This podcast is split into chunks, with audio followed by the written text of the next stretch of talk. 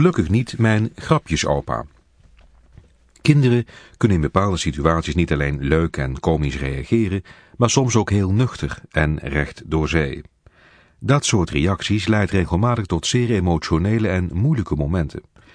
Dat merkten ook de ouders van een zevenjarig meisje bij het overlijden van haar opa Piet. Het was een rustige man die veel op had met zijn kleinkinderen, maar die beslist niet met kinderen op zijn rug paard speelde.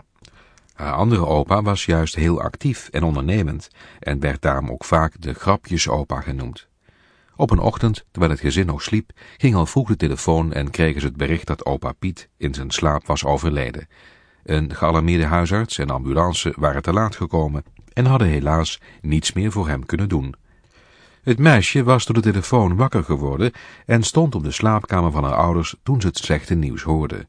Met betraande ogen zei haar vader, dat was oma aan de telefoon, en ze vertelde dat opa Piet vannacht is gestorven.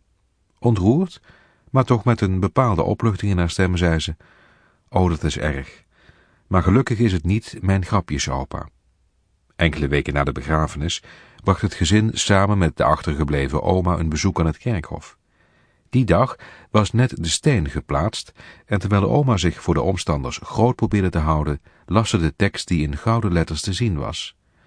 Het werd haar echter allemaal te veel toen haar kleinkind een tekening op de steen legde, waar ze zelf opgeschreven had, voor mijn lieve opa. Toen het meisje de tranen bij oma zag, probeerde ze haar te troosten met de woorden, Oma, je hoeft niet te huilen, want opa Piet is nu fijn in de hemel, en bovendien is opa alweer zo lang dood.